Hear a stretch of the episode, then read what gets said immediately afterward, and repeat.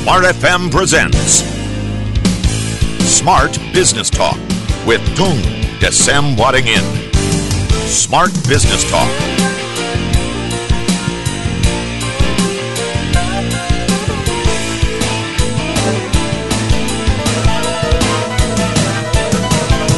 Halo selamat pagi listener dan juga sahabat Sonora di seluruh Indonesia Salam sehat untuk Anda semuanya Salam dahsyat Dan pagi hari ini eh, Anda tengah menyimak Smart Business Talk ya Yang eh, memasuki masa new normal Masa di mana banyak orang yang ceritanya ber eh, Mungkin berbagi gitu ya Nulis di sosial media dan sebagainya Kayaknya ini udah akhir dari segalanya Dan kayaknya aku gagal deh ya bisnis yang dibangun gagal, karir yang dibangun juga gagal gitu. Kenapa ada banyak orang yang gagal? Eh, barangkali belum belajar banyak dari orang-orang yang sukses. Jadi pagi hari ini smart listener supaya kita em, belajar dari kegagalan eh, dan kemudian bangkit melakukan sesuatu di new normal. Anggap aja ini di reset, di reboot semuanya gitu ya. Mulai lagi dari dari awal begitu ya, eh, mulai dari visi misinya dalam berbisnis, berkarir dan sebagainya. Tujuh resep sukses anti gagal. Saya sudah bersama-sama dengan Mbahnya Dasyat. Selamat pagi. Pagi yang dahsyat. Luar biasa pagi hari ini ya. Kita jarak jauh aja patung ini menggunakan batik lengkap. So itu menggambarkan apa semangatnya tuh memang nggak main-main gitu ya. Energinya dari jauh aja tuh ngalir gitu. Bener kan Pak Gung? Yes, harus, always harus semangat atau semangat banget. Dahsyat atau mbahnya dahsyat. Oke, dahsyat atau mbahnya dahsyat. Oke, pagi ini kita mau membahas mengajak smart listener dan juga sahabat Sonora eh, membahas tujuh resep sukses anti gagal. Patung akan banyak nih pada saat eh, pandemi kemarin ya eh, yang merasa bahwa aduh ini udah akhir dari segalanya dan aku gagal gitu ya. Eh, lalu sekarang memasuki masa new normal. Nah, eh, sebelum kita buka satu persatu tujuh resep anti gagal ini sebenarnya kalau menurut Patung nih, ini kan tadi subjektivitas saya aja gitu. Orang Ya. yang gagal itu ya karena belum belajar dari orang yang sukses, sederhananya gitu. Tapi Patung melihat apa yang paling dominan yang membuat orang tuh gagal. Tidak bangkit lagi. Nggak bangkit lagi bener juga ya, jatuh ya udah gitu. Jadi selama Anda masih bangkit lagi, sebetulnya Anda belum gagal. Jadi kelemahannya orang misalnya ya, pada waktu mulai bisnis gitu, kemudian dia tidak berhasil atau istilahnya dianggap katanya gagal tadi ya, baru sekali terus kemudian aku tidak berbakat bisnis, ya tidak bisa, tidak bakalan bisa bisnis. Salah satu resep sukses yang anti gagal itu persis seperti anak kecil kita, yang di mana Anda punya anak atau kita pernah jadi anak-anak, kalau kita waktu pertama kali belajar jalan, apakah kita bisa langsung jalan? Enggak. Betul, persis kata-katanya Mbak Ola tadi. Jadi kita tergantung bergaul dengan siapa. Saya dulu pada waktu tur ke India, ternyata di India ada kisah yang berdasarkan sejarah dulu ya, di tahun berapa pernah ditemukan anak-anak yang hidupnya dengan serigala. Yang tidak bisa jalan, bisanya lari seperti serigala.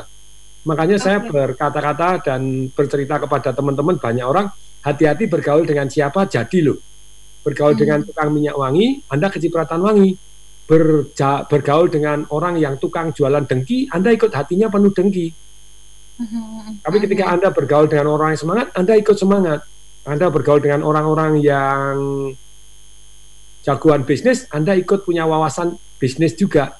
Nah itu betul untuk di awal. Tapi di, di praktek di awalnya, kalau Anda baru mulai, terus kemudian Anda punya keyakinan, begitu jalan, jatuh. Misalnya orang jalan terus jalan kaki, bergaul dengan manusia yang lain masih bayi, diajari jalan. Oh jalan gini, begitu jalan jatuh, jalan jatuh. Kita sebagai orang tua atau orang tua kita ngomong gimana? Bangun lagi, bangun lagi. Ayo. Pertanyaannya sederhana, kapan orang tua kita berhenti ngomong, ayo bangun lagi? Wah sudah nggak usah bangun gitu kan nggak ada ya Nggak ada, mesti akan ngomong terus sampai kita apa? bangun Sampai kita bangun, sampai kita bisa jalan lah. Sampai kita jalan, itu resep ajaib. Jadi ketika Anda belajar bisnis atau belajar apa pun, dan Anda tidak berhasil, terus kemudian Anda bilang, ayo, lagi, ayo, lagi, ayo lagi. Sampai bisa, ya akhirnya bisa. Hmm. Semalam saya talk show dengan Pak Hermanto Tanoko, terus kemudian partner saya bisnis, dia tanya, Pak Tung, challenge apa, pengalaman apa di dalam kehidupannya Pak Tung yang yang yang bermanfaat untuk masyarakat Indonesia? Saya bilang, itu sudah tutup 19 perusahaan, termasuk jual, jual tutup dan jual perusahaan. Nah, apa yang dipelajari dari situ? Ya ternyata itu tadi. Kalau saya ditanya film favoritnya apa? ya ada salah satu dari tiga film adalah filmnya Bruce Lee yang film seri 50 hmm. seri itu tuh uh, saya nonton Bruce Lee 50 seri di Netflix nah itu ternyata Bruce Lee itu tidak pernah takut kalah jadi dia hobinya nantangin orang itu bukan kepengen menang dari orangnya enggak dia kepengen okay. belajar Oke. Okay. Atau bangun lagi hari ini gebukin besok tantang lagi besok naik bukan dia bukan dia sombong dalam arti orang yang sering kali ya kok wajahnya sombong itu enggak dia tuh nantangin orang itu sampai timbul rasa respect. Lawannya rasa respect, dia juga respect. Always respect mm -hmm. sama lawannya untuk apa? Untuk supaya dia belajar. Wah ini ada jagoan di Thailand, wah jagoan Muay Thai, dia latihan juga. Wah kemudian ada jagoan Jiu-Jitsu, dia latihan juga ditantangin terus untuk supaya dia berhasil. Jadi kelemahannya hmm. orang di dalam bisnis kalau ditanya tadi apa sih yang membuat mereka gagal karena tidak bangkit lagi, karena tidak mau berantem lagi, karena mereka tidak mau ya, ya, ya. lagi, gitu, karena, mau bangun karena lagi. merasa kalau karena merasa kalau dipukulin itu aduh sakit gitu atau kalau iya. gagal aduh aku gagal gitu ya di dalam bisnis memang pada waktu saya ngalami ya tidak enak banget gitu waduh waduh waduh and waduh gitu ya tapi itu proses belajar jadi itu jurus resep sukses anti gagal kalau boleh kita belajar satu selesai yaitu keyakinan bahwa anda tidak ada kata gagal yang anda hanya sukses dan belajar. Uh, kalau belajar. belum sukses ya kita belajar. Kalau sudah sukses kita tetap belajar. Karena dengan kita cukup rendah hati belajar, di kemudian hari kita akan menjadi lebih baik, lebih hebat, lebih dahsyat. Tapi kalau Anda okay. tidak cukup rendah hati, okay. kalau Anda Jadi jualannya cuma dengki saja, ya Anda akan belajar kedengkian gitu. Yang murid-murid Anda juga akan dengki juga. Anu. Jadi yang dijual adalah dengki gitu ya. Ada loh, orang jual dengki iya. gitu ya. Nah, eh, itu. Semangat aja deh. Jual ilmu pengetahuan deh. Jual pengalaman deh. Jual ketidakberhasilan saya deh. Lu saya kan cerita share oh ini lu tidak berhasil begini partneran model begini akhirnya kena tipu. Nah kemudian yang kalau begini duitnya bukan kena tipu. Ongkos sekolah kalau kena tipu kan rasanya ongkos sekolah oke. Okay. senang nih jadi uh, buat anda yang mungkin pagi hari ini lagi merasa aduh aku nggak mau nggak mau mencoba lagi untuk berbisnis karena jerah di ditipu dan sebagainya. Tapi tadi patung memberi uh, sebuah pemahaman dan sudut pandang yang berbeda ketika kita mungkin harus menanggung hutang karena ditipu dan sebagainya itu adalah ongkos belajar. Oke, okay, ini jadi justru menyenangkan kita dapat sudut pandang yang seperti ini me menghibur begitu menguatkan. Oke, okay, kita akan buka nanti lagi uh, resep-resep yang lain supaya lengkap tujuh resep anti gagal ini yang membuat kita benar-benar siap bertarung. Tetap bersama dengan kami dalam Smart Business Talk pagi hari ini bersama dengan Pak Tung Desemuari. Smart Business Talk. Smart Business Talk with Tung Desem Wadingin. Smart Business Talk. Smart Business Talk with Tung Desem Wadingin. Listener dan juga sahabat Sonora di seluruh Indonesia, Anda pagi hari ini bisa bergabung bersama dengan kami, bisa sampaikan pertanyaan juga, dan ikut menyapa, ikut berbincang uh, sesuai dengan topik kami tujuh resep sukses anti gagal. Ada nggak sih di antara Anda yang uh, mungkin boleh nanti beberapa share yang Anda sampaikan kita uh, apa bacakan atau kita bahas ya. Uh, berapa kali Anda pernah uh, jatuh terus sudah gitu bangun lagi dan Anda sepakat nggak sih tadi dengan uh, apa yang di awal disampaikan oleh Pak Tung ya bahwa uh, kesamaan dari orang gagal itu satu salah satunya adalah begitu dia jatuh dia nggak mau bangkit lagi. Udahlah ya kayaknya enakan banget nih gitu ya. Ngapain bersakit-sakit lagi ditonjok lagi dihajar lagi? Enggak deh gitu ya. Udah nggak mau lagi. Nah apakah seperti itu yang anda rasakan? Sama silakan anda boleh share ya dan juga ajukan pertanyaan ke 0812111299 dan juga boleh update pagi ini Anda mendengarkan siaran kami melalui apa sih? Melalui streaming kah atau melalui FM radio di kendaraan Anda atau Anda sudah standby di rumah? Eh sorry di kantor ya. Silakan Anda boleh uh, share ke kami. Patung kita sambung yes. lagi tujuh resep sukses anti gagal. Tadi yang pertama sebenarnya sudah sedikit sepintas dibahas ya soal keyakinan bahwa kalaupun jatuh ya aku bangun lagi gitu. Mungkin kita bisa mulai resep-resep uh, jitunya ini ya resep anti gagalnya. Silakan patung dengan senang hati jadi teman-teman tujuh resep sukses anti gagal itu adalah dimulai nomor satu tadi. Keyakinan bahwa kita tidak ada kata gagal yang ada hanya sukses dan belajar. Kalau anda jatuh dan tidak bangkit lagi ya pastilah. Berarti anda selesai gagal. Sebelum anda menyerah untuk tidak bangkit lagi dan Anda terus-menerus bangkit, tentu saja Anda berhasil itu tadi. Jadi nomor satu keyakinan tidak ada kata gagal. Yang kedua, kalau tujuh resep sukses anti gagal itu setelah Anda kata-kata bahwa tidak ada kata gagal, yang adanya sukses dan belajar. Kalau Anda belum sukses, Anda belajar. Kalau sudah sukses, tetap belajar. Cukup rendah hati untuk terus maju dan terus belajar. Ini sangat-sangat penting, nomor satu. Kemudian yang kedua, tentu saja adalah bahwa kita tuh harus mempunyai goal Goal itu menjadi kompas. Goal itu ditentukan bukan hanya satu alasan emosi, tapi alangkah baiknya alasan yang namanya otak manusia kita. Maksudnya apa otak manusia kita? Jadi secara kita sadar, secara sistematis kita bukan hanya cari goal-goal yang nikmat jangka pendek, tapi goal jangka panjang, begitu ya. Namanya berpikiran panjang itu tadi. Goal harus apa? Harus SPTM, sekali lagi, harus spesifik, positif, tertulis, dan menarik. Kalau saya bilang goal harus spesifik, tidak ada yang istilahnya namanya goal yang tidak jelas mudah dicapai. Misalnya, saya kepengen suami yang ganteng, ukurannya apa gitu ya. Kalau ukurannya harus tingginya minimal 180, pakai kacamata kan sudah nyarinya gampang. Nah, kalau Anda okay. tidak spesifik, saya mau cari suami yang kaya, lah celaka. Kaya itu definisinya apa? Banyak yeah, artis yeah, yeah. yang terjebak, sekali lagi, kalau saya salah tolong diralat gitu ya. Banyak artis yang terjebak, kepengen dapat orang kaya, bukan hanya artis sih banyak orang gitu ya. Wih. Ya, pokoknya yang kaya lah gitu tapi begitu ditanya kaya kaya apa? gitu. Ya kaya gitu. Nah tidak ada definisi. Semakin spesifik semakin mudah. Kalau anda bilang oh saya kaya itu berarti mobilnya keren ganti-ganti terus gitu ya. Nah ternyata begitu orangnya ganti-ganti terus ternyata karyawan showroom mobil gitu ya.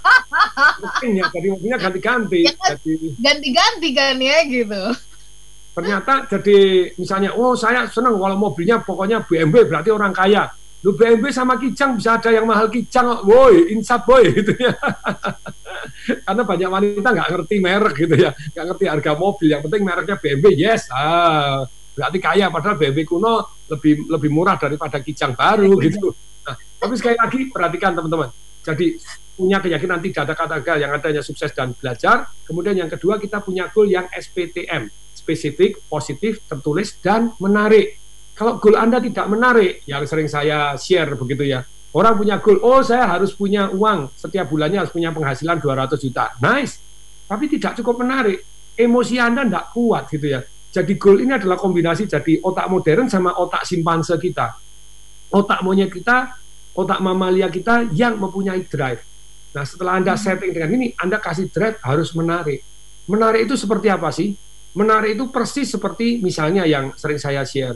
Ketika Anda kepingin kaya, kenapa Anda harus kaya? Kayanya jelas, income-nya berapa, pasif income-nya berapa. Saya ulangi ya, bukan hanya income-nya aja. Income-nya berapa, pasif income-nya berapa, portfolio income-nya berapa. Saya hmm. kemarin bergaul, tadi tuh dikatakan oleh Mbak Ola bahwa kita harus bergaul dengan orang-orang yang dahsyat gitu ya, jadi supaya kita semangat. Kalau Anda bergaul dengan penjual dengki, nanti Anda ikut jadi dengki terus gitu ya, marah-marah melulu. Tapi kalau Anda bergaul dengan orang smart, Anda ikut semangat. Saya bergaul dengan Pak Hermanto Tanoko, saya ngajarin, Anda perhatikan aktif income Anda dan pasif income Anda. Pak Hermanto, Pak Tung pernah ngitungin enggak? Pertumbuhan asetnya Pak Tung, yaitu namanya capital gain. Jadi saya tahu bahwa harta saya bisa naik dengan cara salah satunya capital gain, tapi saya tidak pernah ngitungin gitu ya. Saya tidak ya. pernah ngitungin bahwa harta saya ini naik berapa, uh, properti saya naik berapa. Karena properti kalau di laporan pajak kan cuma satu yang namanya itu harga, harga belinya. Sekarang harganya harga. naik berapa? Okay. Jadi, nah saya ulangi ya. Jadi sekali lagi Anda yang nomor nomor dua ini punya goal yang menarik misalnya uang oke, okay. tapi uang untuk apa? Keuangnya ada alasan emosinya, mendadak Anda jadi lebih tertarik. Oh, saya kepengen membelikan orang tua saya naik mobil Dan hmm. aku saya pengen ngirim, wah itu yang alasan lebih emosional lagi. Ngajak orang tua saya naik haji. Dan naik haji antrinya banyak loh ya. Terus ONH plus, wah 270 juta sekali berangkat satu orang. Orang tua dua ya sudah 540 juta. Nah, dengan Anda dengan satu miliar sendiri sekali berangkat. Luar biasa. Nah, terus kemudian Anda bayangkan orang tua Anda tadi nyium hajar aswad dan kemudian nangis dan kemudian terharu gara-gara anak saya sukses dalam kehidupannya. Nah, alasan jadi goalnya jauh lebih menarik, lebih emosional. Goal secara akal sehat buatin yang spesifik, positif, tertulis dan menarik. Nah, kalau saya bilang positif itu gimana? Ternyata otak bawah sadar kita yang fungsinya otak bawah sadar ini penting sekali fungsinya otak bawah sadar ini adalah 100 uh, eh, jadi kalau kita 100% itu tadi bawah sadar kita itu 55 sampai 88% sendiri. Itu tidak mengenal kata yang tidak negatif. Saya tidak mau miskin, Anda jadi miskin. Saya tidak mau gagal, Anda jadi gagal gitu. Jadi benar-benar sekali lagi kalau Anda punya goal itu tadi selain uh, spesifik, jelas, kemudian positif, kemudian tertulis. Ada yang menarik, begitu tertulis itu seperti komitmen kontrak dengan alam semesta begitu ya Ketika Anda tertulis, terus kemudian menarik, Anda kasih alasan emosional, wah itu kemungkinan gagalnya lebih kecil gitu. Jadi bukan kemungkinan harus belajarnya lebih kecil. Selalu kita harus selalu untuk belajar. Nah, tambah lagi gitu ya. Terus berikutnya yang ketiga, goal itu uh, bukan tujuh resep sukses anti gagal. Nomor satu tidak ada kata gagal, keyakinan. Oh, yang ada hanya sukses dan belajar. Kalau belum sukses, belajar. Sudah selesai sebenarnya sudah anti gagal ini. Kemudian yang adalah punya goal yang SPTM, spesifik, positif, dan tertulis. Kemudian yang ketiga adalah yaitu punya alasan sangat kuat. Ternyata yang menggerakkan manusia itu adalah alasan sangat kuat. Maksudnya alasan sangat kuat. Gini loh, motivasi itu timbul hanya otak manusia cari nikmat menghindari sengsara. Saya ulangi ya, manusia itu motivasinya hanya cari nikmat menghindari sengsara.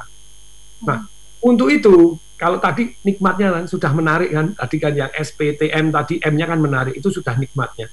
Tetapi kenapa alasan sangat kuat yang kedua ini digenjot lagi? 80% otak kita menghindari sengsara.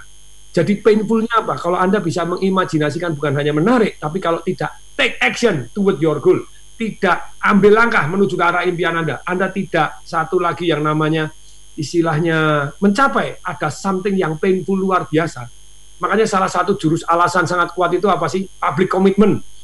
Ada orang kepengen berhenti ngerokok di Las Vegas sana.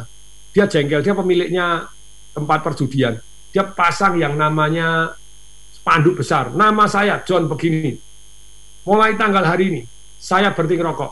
Apabila sampai enam bulan ke depan, Anda melihat saya ngerokok, siapa pun Anda, saya janji Anda saya kasih satu juta dolar. Kira-kira berhenti nggak? berhenti nggak mau lah kasih satu juta dolar keluarin satu juta dolar demikian juga anda kepengen langsing sudahlah cara langsing anda pengen langsing nah ada yang pengen langsing ini saya di Instagram juga teman-teman juga di YouTube teman-teman juga yang ada di jaringan Smart FM anda pengen langsing kalau anda pengen langsing tulis saya mau mau mau mau mau ini kan teknik bagaimana pembicara bisa melibatkan audiens di dalam dunia online hari ini anda mau langsing wah ini banyak yang mau mau mau mau mau saya saya oke okay, mau langsing Nah, kalau Anda mau langsing, Anda pergi ke pelangsingan. Anda bayar berapa? Anda bayar 50 juta, Anda bayar 70 juta. Langsing. Hmm, oke. Okay. Tapi kalau dibalik begini. Anda datang ke notaris atau datang ke tong desain waringin, Anda tanda tangan kontrak, duit Anda bawa dulu 50 juta. Kalau saya sebulan tidak turun 2 kilo, sebetulnya turun 4 kilo masih wajar gitu ya. Anda yang wajar aja, sebulan tidak turun 2 kilo dan tidak nimbang, maka uang ini 50 juta kasih dulu, nanti uangnya boleh Pak Tung ambil atau notaris ambil? Kira langsing nggak? ya langsing. Kalau Anda takut jadi painful ini luar biasa motivasi untuk manusia. Jadi ketika Anda kepengen sukses, Anda, nah tadi public commitment, kemudian yang kedua, apa yang Anda lakukan? Tadi, jadi salah satunya ada bobot, Pak, seorang konglomerat 50 juta tiap kali makan aja sekali makan bisa 50 juta jadi dia damai-damai aja bagi dia tidak painful ketika dia tidak painful enough tidak punya alasan sangat kuat untuk langsing loh pak saya painfulnya satu juta dolar. Taruh satu juta dolar. Oh tidak langsing mesti langsingnya. Oke kalau uang tidak painful contohnya saya pergi ke kota Medan. Halo yang dari Medan. Hai hai hai Medan begitu ya.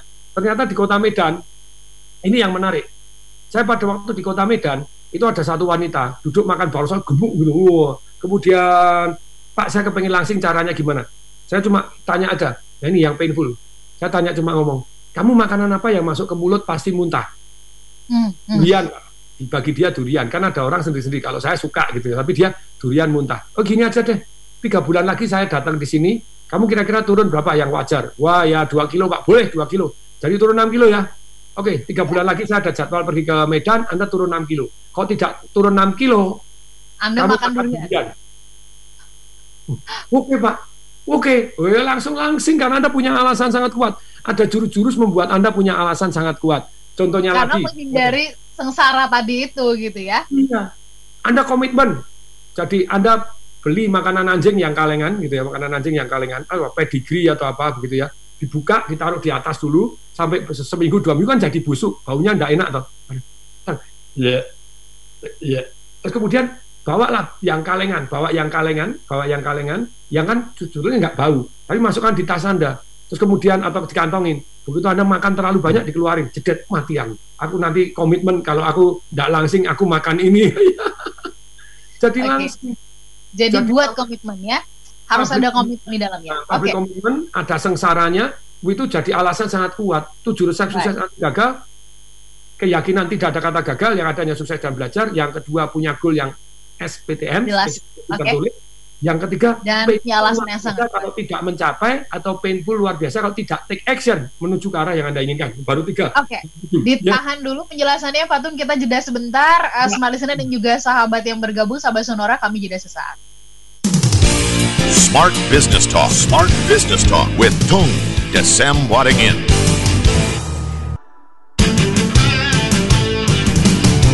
Smart Business Talk. Smart Business Talk with Tung Desem Wadingin.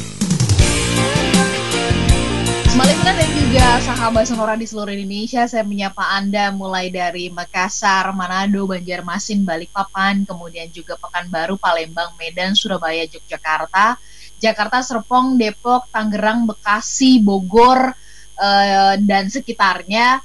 Depok ya. Kemudian saya beralih ke Anda yang ada di Gorontalo, di Pontianak, di Palangkaraya, kemudian Anda yang ada di eh, Bangka Belitung ya, di Pangkal Pinang, lalu kemudian Anda yang menyimak kami di Batam, di eh, Bangka ya. Kemudian saya menyapa Anda yang ada di Padang, di Aceh. Selamat pagi untuk Anda semuanya. Saya pun menyapa Anda yang ada di Lampung, di Bali, kemudian Anda yang ada di eh, Bandung ya, kemudian Purwokerto, Cirebon, Solo dan juga Semarang serta kota-kota lainnya.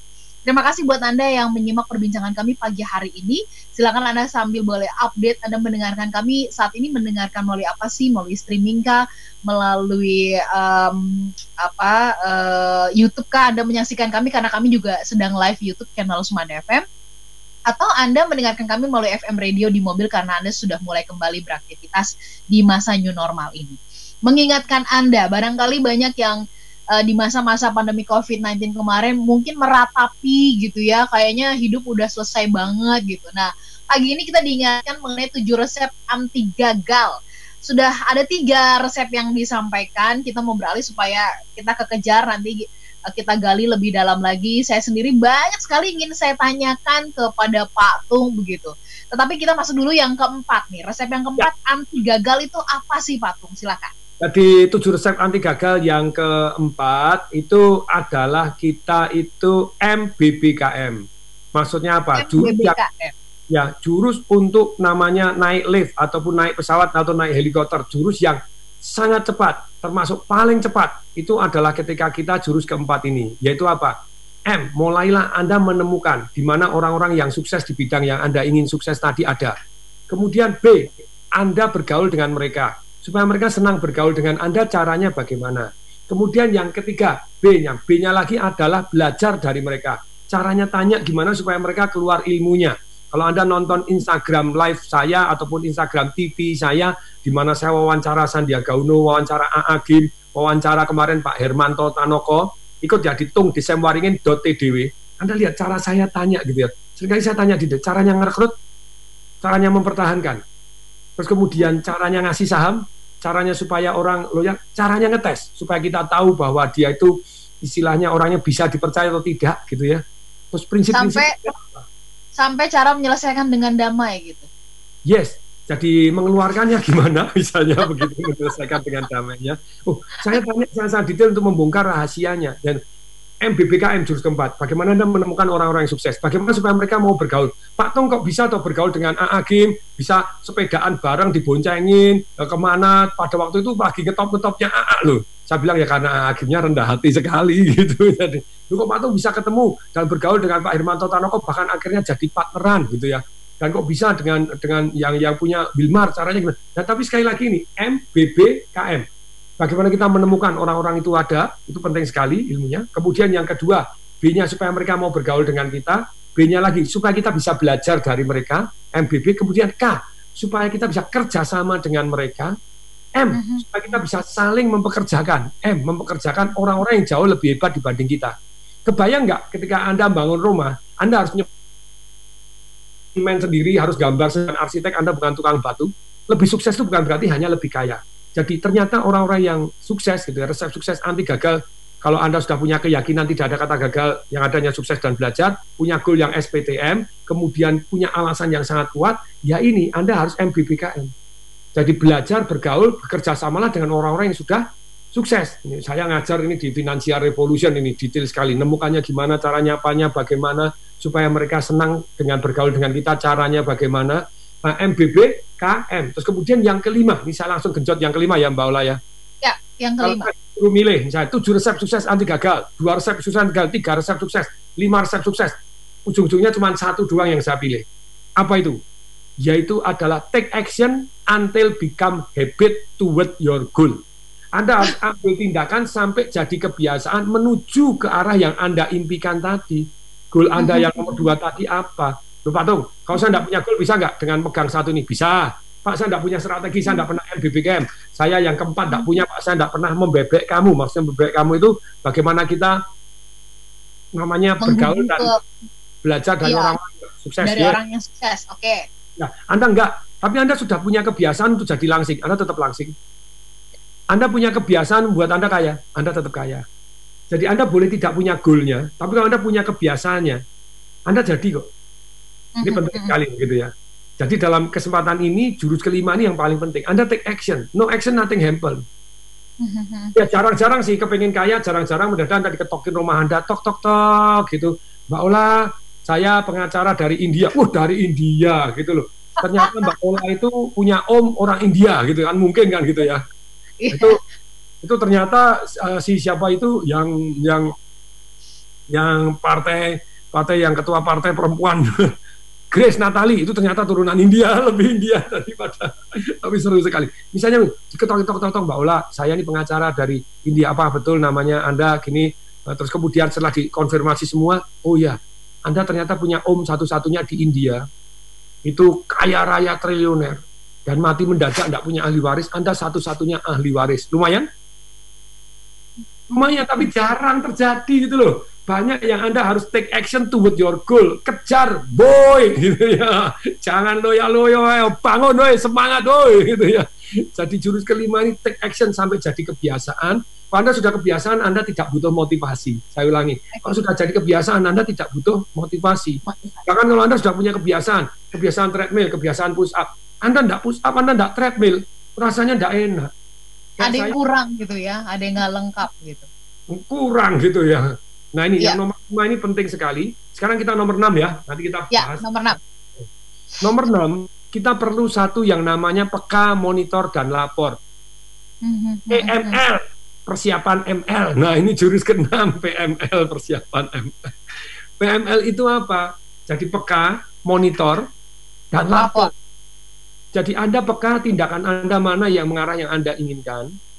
Anda mm-hmm. monitor dari hasilnya seperti apa. Mm-hmm Kemudian Anda laporkan action Anda. Saya ulangi. Ketika Anda kepengen langsing, jurus yang paling sederhana adalah nimbang. Jurus paling sederhana nimbang. Itu lebih dari segala motivasi yang lain. Kalau Anda punya habit nimbang, itu dites dari 3000 sekian di buku saya Life Revolution ada yang tentang kesehatan. Itu orang 3000 sekian wanita ditanya, "Kamu pengen langsing?" "Oh iya, pengen." Dan 3000-nya ini pengen pengen langsing semua. 18 bulan kemudian ternyata orang-orang yang nimbang itu 5 kilo lebih ringan dibanding sebelumnya. Tapi yang tidak nimbang, walaupun dia kepengen langsing, tidak nimbang, tidak rutin nimbang setiap hari, orang-orang yang kepengen langsing nambah dua setengah kilo. Saya ulangi gitu ya. Yang kepengen langsing tapi dia melakukan tindakan nimbang setiap hari, itu turun 5 kilo. Sedangkan yang kepengen langsing, tapi tidak nimbang, cuma kepengen tok 18 bulan kemudian naik 2,5 kilo. Jadi monitor ini penting, apalagi kalau Anda lapor. Kalau Anda, makanya kalau saya dulu talk show begini kan sering bawa ajudan saya, bawa bawa GM saya. Pian turun 24 kilo, yang namanya Pak Dimas, itu sekarang sudah turun 17 kilo. Oke. Okay. Seru tau pada pada masuk ke berat badan dia, karena saya suruh lapor setiap hari. Lapor, timbanganmu mana? Lapor, saya tagih setiap hari lapor itu memotivasi kita untuk akhirnya um, uh, harus ada perkembangan dan pergerakan update tiap hari begitu ya Patung ya. Contohnya, jadi ketika Anda action, tentu saja action yang terbaik itu dipotong kecil-kecil kan gitu ya. Tadi ya. dari nomor uh, nomor 5 untuk resep sukses hati gagal tadi adalah take action toward your goal. Take actionnya dibagi, dibagi. Jadi goalnya masuk akal. Salah satu, ya. Anda kepengen katam Al-Quran gitu ya, atau kepengen ya. membaca kitab suci Anda, karena kalau di Al-Quran kan judulnya nomor satu kan ikro, bacalah gitu. Tapi banyak orang mengaku beragama Islam tapi tidak pernah baca Al-Quran gitu ya. Saya cuma dengar dari orang lain, cuma gini, saya salah di arti. Sama juga orang ngaku Kristen juga tidak pernah baca kitab sucinya. Ya, kitab suci gimana sih gitu. Atau okay. ya lumayan lah, saya sudah empat putaran gitu ya. Tapi sekali lagi, GM saya itu pada waktu mau membaca kitab suci gitu ya, Kang Fuad sama Pak Diki M. Sidik Bagaimana? Ya saya bilang kamu tentukan goal. Ternyata dia punya punya cara dibagi, dipotong. Pak ini lebih lebih masuk akal dibanding baca setiap hari satu juz itu lebih lebih wajar. Share okay. berikut nanti ya, share lagi ya okay. caranya. Contohnya. Oke, okay, patung. Oke, okay, patung ditahan dulu penjelasannya untuk satu sesi yang terakhir nanti kita gali lebih dalam kita baru mulai lu baru semangat semangat. soal peka monitor dan lapor ini ya. Dan ya, untuk satu peka monitor dan lapor. yes. tidak sesaat. Smart Listener dan juga sahabat Sonora tetap bersama kami. Smart Business Talk. Smart Business Talk with Tung Desem Wadingin. Smart Business Talk. Smart Business Talk with Tung Desem Wadingin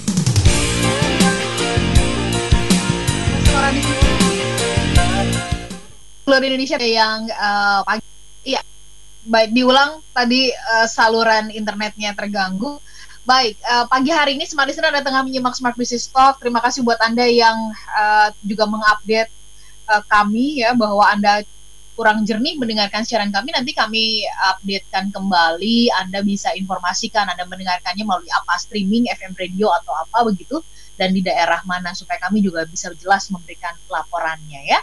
Oke, okay, uh, eh, terima kasih buat Pak Arif Hidayat yang berkomentar. Salah satu untuk memudahkan melihat peluang adalah selalu mengidentifikasi resiko dalam setiap aktivitas. Itu komentar dari Pak Arif Hidayat. Mudah-mudahan ini uh, beliau bersemangat pagi hari ini untuk mengidentifikasi resiko. Nah, sebelum um, apa namanya Anda mengidentifikasi resiko, mudah-mudahan enam resep tadi bisa membantu Anda dan membantu kita semuanya uh, saya mau jam yang keenam tadi peka monitor dan lapor. Dan kemudian tadi Patung mengatakan kan coba dibuat goal yang kecil-kecil gitu kan. Nah mungkin supaya kita terampil bagaimana saran dari Patung untuk membuat goal yang yang kecil-kecil tadi? Dan uh, waktu kita uh, monitor waktu kita lapor waktu kita peka ini bisa menjadi sebuah sinergi gitu loh. Kadang-kadang kita malu juga mau lapor. Aduh belum turun-turun juga nih berat badan gitu kan itu contoh contoh. Atau ini belum beranjak beranjak juga nih dari bisnis ini masih begini-begini aja belum ada perkembangan gitu. Gimana pak? Ya ini jadi teman-teman. Nih jadi kita ketika mau membagi jadi kalau goal itu yang paling mudah take action until become habit. Kan nanya caranya supaya jadi become habit ini nomor satu atomik dulu. Atomik itu hal kecil dulu. Ketika anda kepengen push up push upnya sekali aja. Ketika anda pengen nimbang atomik beli timbangan langsung perintahkan langsung anda beli timbangan, taruh timbangan, jadi kita mempermudah. Supaya jadi kebiasaan itu selain dipotong kecil-kecil langkahnya, Anda permudah. Contohnya, yang tadi saya bilang, Anda mau katam Al-Quran tadi ceritanya itu yang yang yang yang GM saya pada waktu itu dua GM lagi mau sambung, oh gitu. Nah, apa yang dilakukan? Pada waktu pas puasa lagi? Saya bilang sehari kan sembayang lima kali, satu kali sembayang delapan halaman, jadi empat lembar atau delapan halaman. Itu dan harus saling lapor setiap selesai sembahyang lapor, ketemu lapor, pagi hari ketemu. Tadi kamu jam 4 pagi subuh, subuh sudah belum? Sudah nih, belum. Ayo baca, utang suruh baca langsung. Nah dengan demikian peka monitor lapor dan langkahnya kecil-kecil, Kalau Anda baca satu juz itu ada yang panjang sekali, jadi sering kali orang merasa berat. Jadi dipotong kecil-kecil, jadikan atomic habit dan lapor. Kalau tambahin alasan sangat kuat tadi, Anda langsung keluar motivasinya. Public commitment, ini ada yang datang terlambat, Pak, supaya termotivasi gimana? Ya tadi toh, goalnya SPTM, spesifik, positif, tertulis, dan menarik. Kemudian alasan sangat kuat, painfulnya apa, sakitnya apa, luar biasa kalau Anda tidak take action ataupun tidak mencapai impian Anda, wah itu otak mamalia Anda bergerak, Anda kan jadi lebih seru, lebih semangat, lebih lebih lebih lebih dahsyat begitu ya. Jadi potong kecil-kecil, mulai atomic habit satu dulu aja. Kalau Anda lagi males, satu aja. Dan Anda permudah, maksudnya permudah itu ya, jangan oh pagi mau lari pagi gitu ya. Bangun tidurnya pakai kaos kaki aja dulu. Kemudian sepatunya taruh di sebelah ranjang. Jadi bangun tidur sudah ada sepatu dan langsung pakai dan langsung langsung jalan. Dan ada hmm. ada prinsip satu dua tiga go. No, yaitu satu dua tiga go itu apa sih? Anda tarik nafas panjang, lagi males loh. Anda bilang satu dua tiga go, langsung pokoknya berdiri. itu Anda kan jadi take action sampai di habit. Sudah jadi habit, Anda sudah tidak malah kalau Anda tidak sikat gigi, coba kalau Anda tidak sikat gigi rasanya gimana? Yeay. Nah, itu Anda Nah, enak otomatis Anda bangun langsung sikat gigi. Padahal sikat gigi yang terbaik adalah malam hari sebelum tidur gitu. Bersihnya lebih lama gitu ya. Tapi kalau tambah selesai makan pagi sikat gigi lagi lebih cepat. Tapi sekali lagi, Anda kalau sudah jadi habit, Anda tidak sikat gigi, enak nggak? Tidak enak. Anda kan merasa sangat nyaman ketika Anda sikat gigi itu. Jadi begitu jadi habit sudah dahsyat peka, monitor, lapor. Tindakan potong kecil-kecil, atomik habit dulu, yang penting satu kali aja. Nggak usah mau pusat 100, males. Sekali aja, kalau lagi males, sekali aja. Butuh sekali Anda ambil posisi sekali, set, mendadak sekali, mau poin ya enggak, atau beng, beng, beng, beng, beng, beng, beng, beng, beng. Ajar nanti. Mendadak akhirnya nambah begitu ya, dari yang sekali jadi dua kali, dari yang dua kali, lama-lama lima kali gitu, lama-lama bertambah begitu ya. Dan kasih kenikmatan, maksudnya kasih kenikmatan itu apa? Jadi kemenangan-kemenangan kecil dirayakan. Wah, misalnya sudah, wes, sudah 10 kali, ye. Seperti saya dulu naik Gunung Rinjani. Wah, naik gunung, gunung pertama adalah Bromo, gunung kedua Rinjani langsung.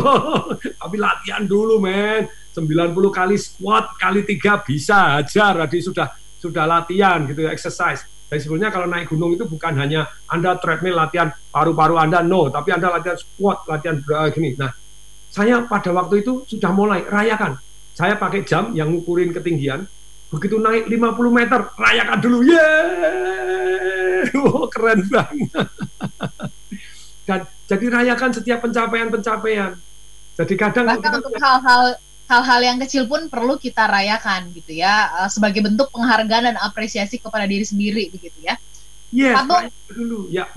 Yes, mo mohon maaf karena waktu kita tinggal lima menit. Boleh kita beralih ke yang ketujuh?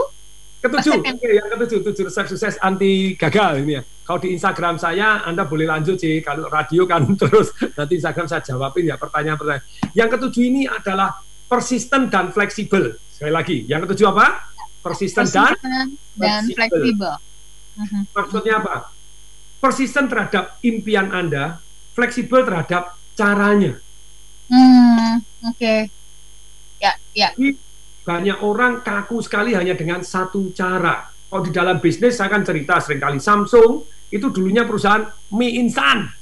Nintendo yang untuk game itu dulunya taksi, dulunya apotek, dulunya jualan kartu tapi jadi perusahaan game. Jadi fleksibel. Tahu tak Anda Lamborghini kemarin malam saya baru nonton pabriknya Lamborghini begitu ya. Ternyata Lamborghini itu awalnya adalah perusahaan traktor jadi mobil keren. Anda tahu Yamaha sepeda okay. motor? Nah itu alat musik, woi, karputala simbolnya kan karputala tuh, alat musik. Nah, jadi jualan sepeda motor. Jadi sekali lagi saya rangkumkan ya, ini masih tinggal ini tujuh resep sukses anti gagal. Nomor satu adalah kita punya keyakinan tidak ada kata gagal, yang ada hanya sukses dan belajar. Belajar. Kita okay. belum sukses, berarti kita harus belajar. Belajar lagi. Sukses kita tetap harus belajar. Nah, kemudian yang kedua, selain itu kedua kita harus punya goal yang SPTM. Goalnya hmm. apa? Spesifik, positif, tertulis dan menarik. Ada emosinya. Tadi kenapa kok saya males Pak? Karena goal Anda impoten, tidak cukup merangsang Anda. Atau goalnya terlalu berat, sehingga Anda tidak mungkin, ayo cilaka. Goalnya harus eh, spesifik, positif, tertulis, dan menarik. Yang ketiga, harus punya alasan yang sangat kuat.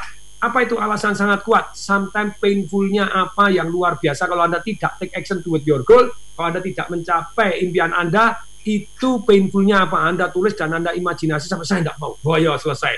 Ya tadi tidak mau langsing, makan makanan anjing tadi, waduh, tuh bayar 50 juta, kok bukan hanya bayar, duitnya 50 juta sudah ditaruh, hilang, wah, potong gundul, nah apa ya, no ya pokoknya yang yang seru-seru.